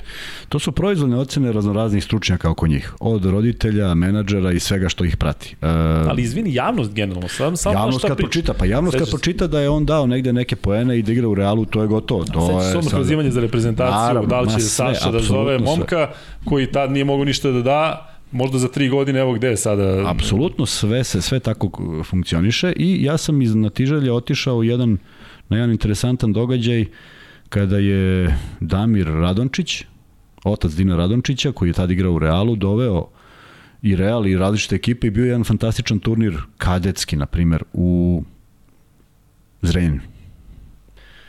I svi smo došli da vidimo Dina Radončića i da vidimo Nakića. A, ne mogu ti kažem da sam uživao u košarci. To je 12 imena individualaca gde je svako sa, svo, sa svoje strane projektovan da bude. Igrali su jednu vrlo haotičnu košarku u kojoj ne možeš mnogo da se snađeš playmaker, a ni jedan od ovih nije playmaker, od njega najviše zavisi, on ima jednog kojem dodaje na poziciji četiri, njih dvojica se igraju i kad dobiju loptu od sreće što su dobili šutnu i stvarno nismo videli nikakav spektakl. Iz prostog razloga što jedna ekipa koja ima 12 takvih igrača i ne možeš da vidiš neku igru, možeš da vidiš neki talent koji nije merodavan, ali pošto kod nas sve ide tako, on igra ovde, on igra onde, to je sledeći ovaj ili onaj igrač biće bolji od oca i tako dalje. Znaš, malo ljudi zna kakav je Ivo Nakić bio košarkaš. Mislim, da. I sad pričaju biće bolji već u startu. Dušan Vukčević e, proveo celu karijeru u ozbiljnim klubovima. Dakle, teško je to nadomestiti, a ne samo zato što je porasto, jer ima mnogo takvih primjera. I kad si rekao kod Dončića, pa zašto je Dončić prvi posle Dražana u tom uzrastu? Zašto nema ni jedan? Mi ne govorimo, plejada naših reprezentativaca, koja je fantastična, 90-ih, Niko nije bio sa 16 to što je bio Dončić. A to je još jedino bio Dražan. E, tu je prošlo 34 godine, kako sam ja ukapirao, ili možda i više. Ne bi trebalo više. ne bi trebalo više. Ne, Tako da nije lako naći toga, svi su sledeći. Koliko, koliko ovde ima promašenih e, slučajeva, koliko je ovde bilo natpisa po novinama za pojedine igrače koji su ostvarili pristojne karijere, ali ne senzacionalne. Da. A naročito ne da bude veza što mu je otac taj i taj. Dajem uh, primer, 2018. smo radili oni Final Four u Beogradu, sećaš se Sport klub kada smo imali oni 48 sati studija. Meni je tada bio najinteresantniji taj turnir klinac i prenosio sam mečeve i bio je Real, Juventud, Stella Zura, kažem ti ekipe. Sada kada gledam Bayern, kada gledaš te glavne klince, odnosno talente, malo koje, ja pokušavam da se setim nekoga ko je bio, a opet prošle godine smo isto radili uh, Final Four Euroligi za klince i opet sam radio Real i sad Garubin brat koji deluje kao da je stariji od ovog Garube. Možda i jeste. Ne možeš da veruješ, znači kažem ti momak e, jedan mali Estonac, pa dva Slovenca, pa kažem ti jedan e, opet e, šta li je Litvanac. Nema ih. Znači, kažem ti, a svako deluje, svako deluje, zaista kad ga vidiš, znači, dečko 2.12, pogodi 3 trojke lagano, znači, svako deluje, svako je interesantan u tom trenutku realu i evo gledam ko je sada samo ovaj mali španac, koji se tu izdvojio levoruki, jedan dečkić koji, kažem ti, pravi čudo, vidim da je dobija, dobija šansu u prvom timu. Ali to je već tad, kažem ti, e, kreće selekcija od njih, realno 20 koji jedan napravi to, Tako ova priča se o svakom, Tako je. to je opet uspeh. Tako je. I, i gledaj sad ovo. Uh, jedan trener mlađih kategorija, ajde da ga ne spominjem iako je sve pozitivno, mi jednom prilikom rekao, kaže, nije samo da on zna put do koša, da zavrne loptu kako niko ne zna. Da li je odgovor? Da li je posvećen? Da li je lag za saradnju? Da li možda ga naučiš nečemu? Da li ima glavu kad najđe prva prepreka? Jer gledaj, ti kad imaš 16 godina i dominanta si u svom uzrastu, sve te koji su imali 16 i bili dominantni, u 19 strefi da se pojavilo još 15 takvih. Da. I on više nema onu prođu. A on nije radio na sebi da ima prođu, on je radio ono što je naučio da radi i da dominira. To nije rešenje. Dakle, za jednog igrača, pošto to roditelji ne znaju, a vide svoju decu u NBA, toliko toga treba da se poklopi. Ja polazim iz svoje vizure, poč, počeo sa 17 i po godina. Nisam razmišljao ni o čemu, a ne da ću biti neki igrač. Ali sam bio dovoljno talentovan, dovoljno sam želeo da naučim u košarci, dovoljno spreman da istrpim svakakve pravde, ovaj, nepravde, i da guram, guram, guram. Jel misliš da sam ja bio najtalentovaniji od generacije? Pa verovatno nisam. Ali je mnogo njih odustalo. Ja sam čuo uh, mnogo mojih uh, prijatelja koji su odustajali, neću verovati što je jedan odustao, bio je u Partizanu, Partizan ga se odrekao i njemu je bilo ispod časti da pređe Beograd. Znači, tu nešto nije problem u tvom talentu, problem je u tvojoj glavi. Jedan nije hteo zašto mu je trener rekao nešto. Mislim, uzimaš zdravo za gotovo neke stvari. Dakle, tu mora toliko stvari da se poklopi da bi te jedan izbio. Luka Dončić to ima u sebi. I ono što on mogao da pokaže da ne pokaže u određenim godinama, on je imao taj mentalni sklop koji ga je doveo dokle ga je doveo. Inače bismo imali svake godine po jednog novog. I da. jednu vrlo bitnu stvar koju ljudi zaborave, uh, igrači mogu da nastanu samo ako dobiju šansu, je li tako?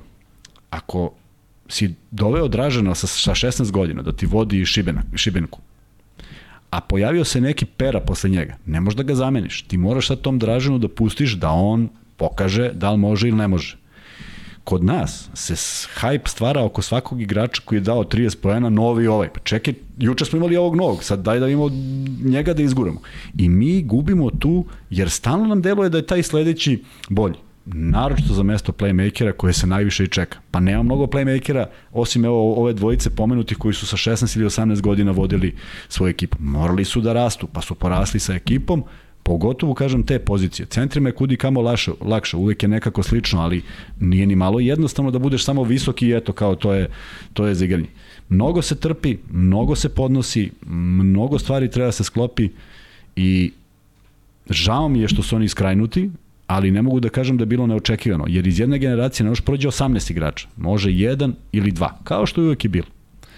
E, nismo radili neko vreme podcast, pa sad te pitam i ono što ti inače ne bih pitao, ali opet se vraćam na ovu priču. Shaquille O'Neal je nedavno rekao, ja nisam bio najtalentovaniji i nisam bio najbolji, ali sam znao da treba da slušam. Znači da ćutim da slušam. Fenomenalno, tako je. Kuzma, koga?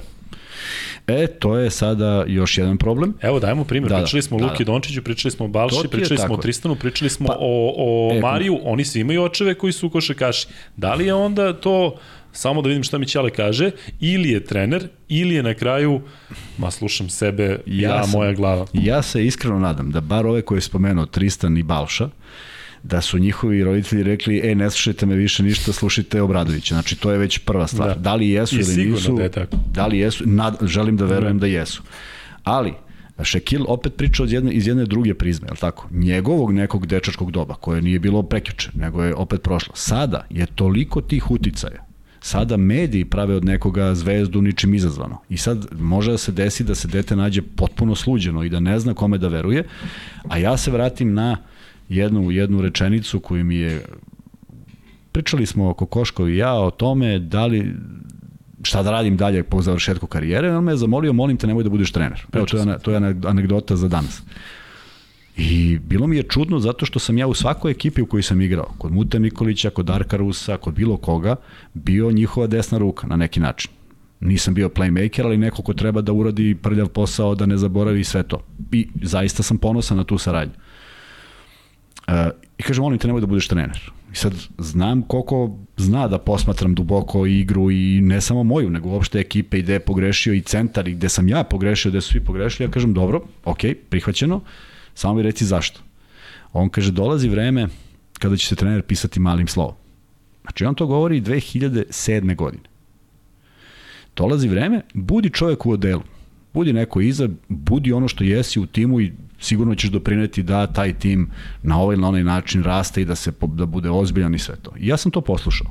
I mi u tome živimo. Iz prostog razloga što neko je sad na utakmici protiv Monaka poteglo se pitanje ko je ispao pametan. Uh, pristojni, dostojni Zvezdan Mitrović, koji je nije želeo da mu neko kroji kapu i da mu priča šta treba da radi u odnosu sa igračem i za kojeg staje klub, što se nije dešavalo u naše vreme. Kako, I za kog igrača je stao klub. Pa taman se zvao kako god hoće. Ili uh, Saša Bradić koji je našao tu žicu koja mu odgovara. Ja sam odgovorio da ta žica može da se prekine. Daj Bože, ne želim bilo kome loše, ali James je vrlo nepredvidiv i kad njemu nešto se ne svidi, može da ode i u jednom i u drugom smeru. Prema tome, to nekada nije bilo zamislivo i to priča Shaquille O'Neal, da je on verovao svom treneru. Imamo sliku Michaela Jordana, ima slika na Facebooku uh, Karima Abdullah Džabara sa svojim trenerima, koji su ih sve naučili. Znaš ti koje je to poštovanje? Znači, on je, on je verovatno slušao svaku reč koju je izgovorio i živeo po tome. Kom, kome ti sada to da... Ko, koji rating imaš pa da kažeš nekome da bi to dete prihvatilo? Deca... Mm, imam druga Nešo Andrića koji radi u Beovu, koji ja uđem na trening i on kaže, deco, znate ko je ova? Kažem, pite ko je Ranko Žerajica, batali mene. Ne znaju. Da. Ne znaju, zato što nema toga da smo mi nekome usadili šta je, ko je, da postoji taj muzej u kojem se nalazi to, to, to i to, da se zna. Da nama kad dođe Miško Marić ne moraš da ga pitaš da li ga neko prepoznaje, nego da se zna da je. To su ljudi koji su zadužili taj sport, a mi se prema njemu odnosimo Ma, šta ima veze? Ili već kad je završi karijeru, ma, bio budal. Znaš, to, da. su, to, to je naš odnos i zato mi ne možemo da, da preslikamo te stvari o kojima priča Shaquille O'Neal, a apsolutno jedina stvar. Autoritet trenera koji se ne dere, koji ne galami, koji ne gestikulira, nego koji priča normalno, to je ono što treba slušati. Kad ti rekao 2007. Kokoškov da ne budeš trener, poslušaj si ga. Jeste. I kad ti rekao da budeš čovjek u odelu, daj ja, kadar, daj kadar, nisam na kupio njega, odelo, na, na Koškov, još ga nisam poslušao. da. Ali imam jedno je.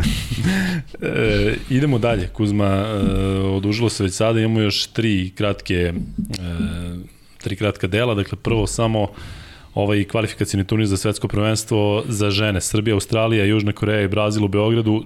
Tri od četiri ekipe idu dalje. Da li, da li treba da mislim pričamo da bi, o tome da, da... Mislim da, da je Marina Maljković spremila to kako treba, da neće dozvoliti bilo kakvo iznenađenje. Žena koja je zaista personifikacija košarke kod nas ženske čega god se Slažeš se da je dobro što je potpisala novi ugovor na dve godine. Naravno. Pa ja ne vidim kako bi to drugačije funkcionisalo. Da. Čast ljudima koji se time bave. Znači, znam mnogo ljudi koji su u ženskoj košaci i u svo poštovanje, to je jedini autoritet. Opet pričamo o tim autoritetima koje može neke stvari da okupi. Naravno, voli ona da nešto bude bespogovorno i da mora tako i zaista mislim da kada se neko postavi tako i donese sve što je doneo, prosto logično je da tako i bude. E, ono što možemo da uradimo je da vas pozovemo da odete u dvoranu ili da gledate barem na sport klubu, da prenosit ćemo sve mečeve kvalifikacije. Dakle, ovim devojkama je stvarno potrebna pomoć. Inače, u ženskom sportu e, je odziv navijača mnogo manji. U neku ruku i opravdano i očekivano. Međutim, smena generacije, devojke su nove, potrebno im je zaista da čuju aplauze, potrebno im je da čuju da čuju navijače, tako da Srbija igra prvi meč protiv e, Južne Koreje, to je četvrtak, ako se ne varam, da, e, i kažem ako ste u mogućnosti da, da budete u dvorani budite, ako ne barem kroz e, sport klub ispratite, ispratite ovo takmičenje meče koliko vidimo u 21 sat. Prelazimo na NBA ligu, Kuzma, što bi rekao Mirku u maratoncima, a sad malo ona, a? Da, da malo tako je. E, Denver je uvijek najinteresantnija tema i aktualna je sada zato što je Nikola Jokić možda još na boljem nivou od prošle sezone kada je, kada je bio MVP nekako postaje sve realnije da bude i ove sezone najbolji igrač, najkorisniji, samo naravno da ga posluži zdravlje. Međutim, Denver je katastrofalna ekipa. E, generalno, govorio si o tome da ne voliš tradeove, da ne voliš sve koliko pratiš Denver i da li misliš da im je potrebno da dovedu još nekog igrača koji će se podrediti timu, čekaju se Jamal Murray i ovaj Michael Porter Jr., a oni su realno jedini koji mogu da traduju, a obojca su povređeni. Ja, evo, ajde ti, ti reci šta imaš ću pa najviše ja, pratim zbog Jokića, logično, znaš, i sad kad pročitaš, svaki put čitaš Jokić i tu još neki. E, očigledno je da mnogo toga zavisi od njega. Očigledno je da se on dobro snalazi tu što je možda situacija baš takva i njegova uloga je onda više struka.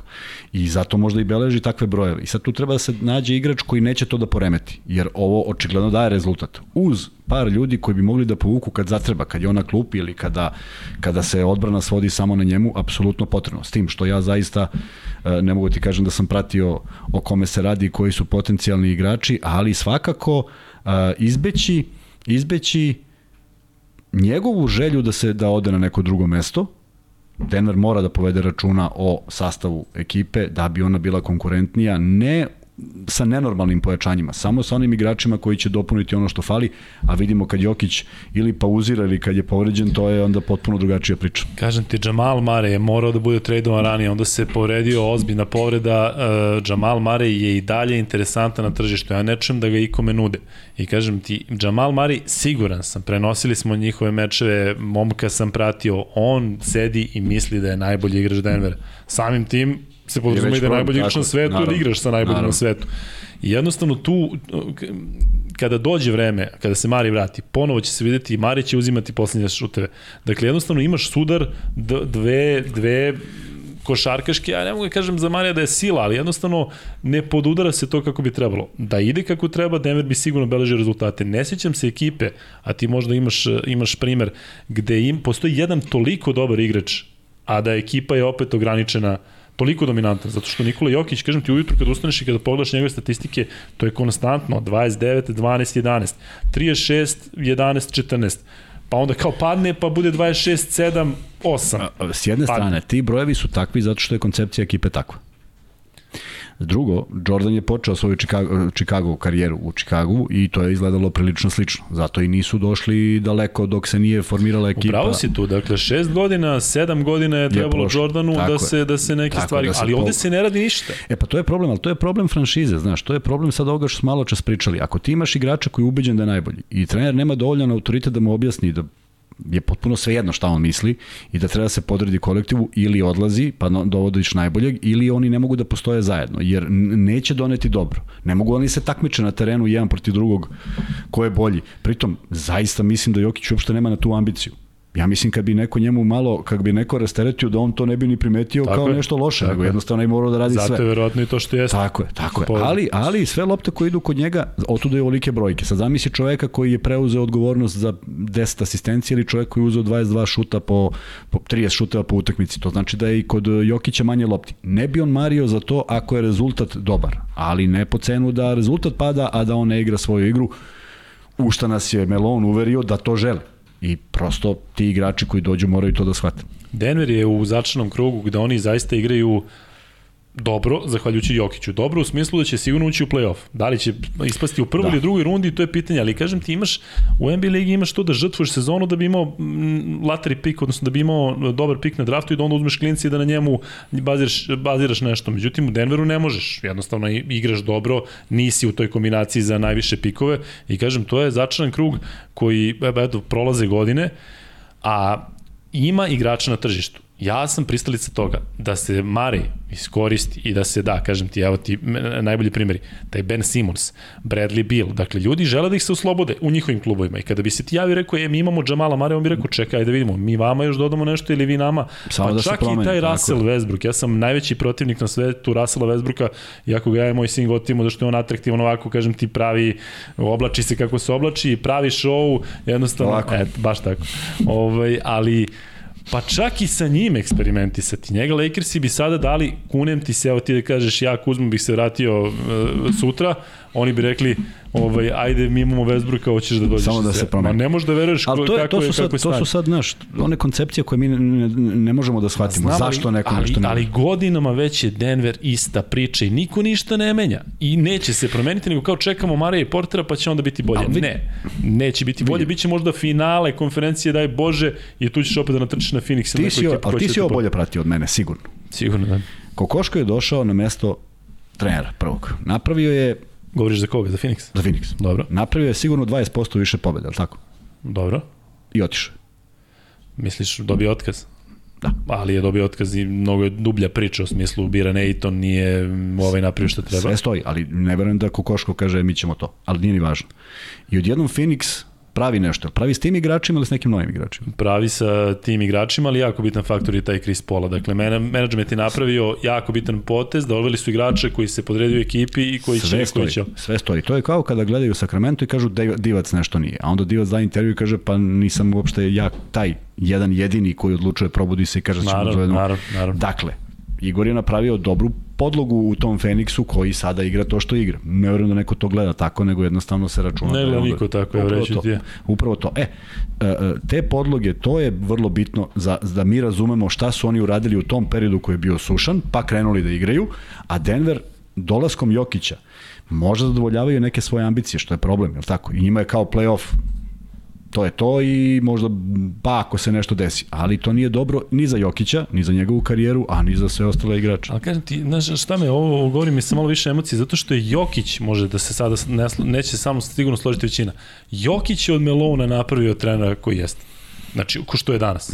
Dakle, Melon e, je pre toga bio priznat trener, bio je negde asistent, ima zaista fantastičnu podlogu, sa kime je sve radio, ali kažem ti da Jokić ne igra ovako, Melon bi sigurno dobio otkaz. Jokić je napravio neke igrače igračima, evo kada ti pogledaš primer, oni koji su u Denveru bili bitni faktori i onda odu negde, potpišu dobar ugovor i vrati se u NBA ligu. Da. Dakle, to imaš više primera, znači sad ajde da, da Tori Craig, Malik Beasley, to su sve bili igrači koji su Gary Harris, ima, ima ih još, tako mislim, dakle, igrači koji su stvarno u Denveru bili bitni. Koji. Neću. Ali Gary Harris, nemaš, priznaj da nemaš nikakvu mm. vezu, da li je centar ili play. Ali dobar, je, dobar je bio dok igrao s Jokićem. Ljubazan je bio, a? fin momak. Elem, izbacio sam ovaj sebe, ali kažem, toliko je ljudi na tržištu. Oni CJ McCallum kada bi došao iz starije, ali kada bi došao iz Portlanda u, u, u Denver, ja tvrdim da bi bilo bolje. Taj Russell Westbrook bi možda u Denveru pronašao sebe, ali bi se nešto desilo, ja kažem, sa Marem, i, i, i sa ovakvom ekipom, kažem ti, došao je Gordon, bilo je poteza, da se razumemo, znači došao je sada ovaj e, Forbes koji je dobar šuter, dakle Denver, ajde da kažem nešto radi, ali previše okolo, ali da ti malo Jokića rasteretiš, pa evo ja jedan primer, ja da sam, da sam menadžer Denvera, što su mi, što su mi ambicije. E, to vidim ja. Da, kažem ti, se daš za Mareja i još uzmeš i lovo igrače. Odnosno Mareja daš za Simonsa. Pa i sad da li neko ovo sada gleda? Ajde sad ovo. Portera daš za Bogdanovića. Treba ti šuter u razvoju, ne porter koji može da devet trojki, a posle može četiri, četiri nedelje ne pogodi ništa. Ali kažem ti, ta veza između Bogdanovića i Jokića ne zato što su Srbi, pa nebeski narod, nego zato što se momci znaju i znaju se kako, znaju kako će da se funkcioniše na treneru. Da, da, na treneru, dajem primjer Bogdanovića zato što stvarno Atlanta priča o trejdu Bogdanovića i uradiš nešto i probaš da, da, da napadneš, ovako kažem ti, natrčaće na Phoenix, u nekom trenutku zapadne konferencije, daj Bože, natrčat će opet na neke ekipe koje su, koje su kažem ti, bolje u, u, na zapadu i jednostavno ne možeš, možeš da uzmeš jedan meč u play-offu i kažem ti, zato to govorim, zato što je greota da imaš MVP-a, da imaš igrača koji je zvanično najbolji i da svi znamo da Denver ne može da napadne titulu, ali jednostavno ne može. I sad će ljudi da kažu Mare poređen, Porter poređen, daj Bože da ja grešim sledeće godine kad se oporave, Denver ide na titulu sa, sa, sa ovim trijom. Ele, Priznaj, ovo ti je bilo na srcu od početka godine. A, u, Jedva si čekao da početka da godine, pa je, to je razlog zašto nismo radili podcast, zato što sam znao da će biti previše emocija. Da, Elem, Kuzma, završavamo, hoćemo neka nova anegdota ili ja sve već ispucao. da. Znači nisi se spremio, nego si ovo ubacio ovako. Uvijek ubacio. Evo moja, ali kažem ti imamo, imamo, imamo još malo vremena, tamo je ostalo za još jedno. Ja se uvijek vraćam na moj period priča. u Americi. Najtoplija priča. Ali pazi, iz perioda tople, tople Ajde. Priče. E, čak i nema toliko veze sa košarkom, ali kažem ti, ja sam otišao Životna odavde. topla priča. Tako je, ti ne možeš danas, e, pazi, ti kada si 2000 te čuo za Alabamu, ti nisi mogu da ukucaš na, uglu, na Google i da vidiš. Znači ti znaš da postoji Sweet Home Alabama i znaš da postoji neka država Alabama, to je neki jug Amerike i ne znaš Ako dalje. Ako si gledao Mississippi Burning, onda si pa, možda i znao. Dobro, pa eto, pored. Ali pa i sad ovo. Odim ti ja u Alabamu, 2004. godina bila. Nemam pojma ni o čemu, znači klinac odavde, bombardovanje, znači samo lopta, ulica, razumeš, zezanje, basket, ne znam šta, odem ti tamo i sad, znaš, ljudi pogrešno misle, posebno tada, kad danas je drugačije, misli kao, uvijek ti kažu kao e, hrana i jezik, što ne veze sa životom ti tamo u toj menzi i koleđa imaš sve, samo nemaš sarmu, znači imaš sektore gde i kuvana hrana, imaš i picu, jedemo i ovde, i kao jezik, kako ćeš za jezik. A jezik, oni ljudi znaju da tebi engleski nije materni jezik. Ja se nećem da sam ikada imao problem. Ti tamo dođeš odavde, učio malo filmovi, odeš tamo, navikneš se, sam znaš, bio si, znači ne očekuju od tebe sada ne znam šta ali ima stvari na koje niko ne može da te ovaj da te da te upozori. Ele, dođe dan, imamo mi sastanak uh, ekipe i sad se priča već, već o nekom meču, ne znam čemu, i kaže ovaj, slušajte, sve ovo je okej, okay, ali Charlie dolazi u četvrtak, moramo svi da bežimo. Sad ja mislim, znaš, ovo nije nešto ozbiljno, kao Charlie dolazi, budite u pripravnosti, ako Charlie dođe, paljba, znači ovo. Ja se razmišljam, jebote, ko je Charlie, jebote. Imaš da dolazi Charlie. Ha? Imaš dva puta jebote. Neka, ne, i sećate. Ove, biće još. E, dolazi sada predavanja. Drugi, znači, rekao, ovo možda neki bivši košarkaš, pa sad ostavio neko će da bije, ne znam šta će da radi, možda moramo svi da bežimo. Predavanja, ovi profesori kao, slušajte deco, sve je super, engleski, istorija, logika, matematika, ali Charlie, Charlie kad dođe, pratite sve. Charlie sve. Uragan, majke ti. Jeste. Slušaj ovo, ja razmišljam, volim u sobu i rekao, bog te mazu, ko je Charlie? Ko dolazi? Predstavu nemam da postoje uragani koji kada ješ, pazi, moramo svi da bežimo u halu. Sami se ja razmišljam, evo te Charlie, da nije to Carlo neki, bi neka mafija italijanska, pa to da dođe da nas raznesi ili sve, rekao, šta sam ja zamirio, ja pitam jednog ovog mog taka, Što mene? basketaš rekao, brate, ja sam došao iz Jugoslavije, će Charlie mene dira, on me tako posle zezao, kaže, zvali su mi posle Charlie. Ali pazi, nemaš Saznanje nikako, da tako. postoji Pa eto, vetar koji dolazi, da. a oni vetrove nazivaju iz nekog Po razloga po imeni. I Charlie je došao 9. augusta i napravio ršum, to je bilo nekoliko godina pre Katrine, zaista su tamo vetrovi i ta, te poplave i uragani i orkani, i sve i svašta zaista tamo prave. Kasnije sam se navikao na to, ali zamisli odeš tamo i sad ti neko kaže, evo, sad A ti iz bombardovanja pobegao i kažeš ja neću ni da idem kad ja u Charlie fazonu dođe. kao kakav Charlie, bre, znaš ti bre, mi smo bre, se branili sve. Ja rekao, ja ću ostanem u sobi. Kažu, ne smeš. Znači, mora, izdaće Znači, se ide saopštenje i po sobama. Charlie, znači, kažem ti za malo. Ove, I eto, sa Charlijem i završamo. Kuzme, da imaš još nešto? Ne, baš mi je bilo i fino, zato što smo se uželili ovoga, možda i Jeste. trajalo od očekivanog, ali, ali nije dosadno, to sam ubeđen. Pogledat ću kako smo izgledali. Fizički ili... Ne fizički, kako ćeš izgledali mute, mutirati ili... Mutirati i da gledam kako smo lepi. Dobro, meni je stvarno drago što smo se vratili, nadam se da ste vi bar jedno 10% uzbuđeni zbog naše povratke kao i mi, to će biti dovoljno da, da, da nastavimo u istom ovom smeru. Dakle, još jednom ponedeljak do daljeg idemo, idemo samo ponedeljkom, budite uz nas i budite uz Luku i Kuz.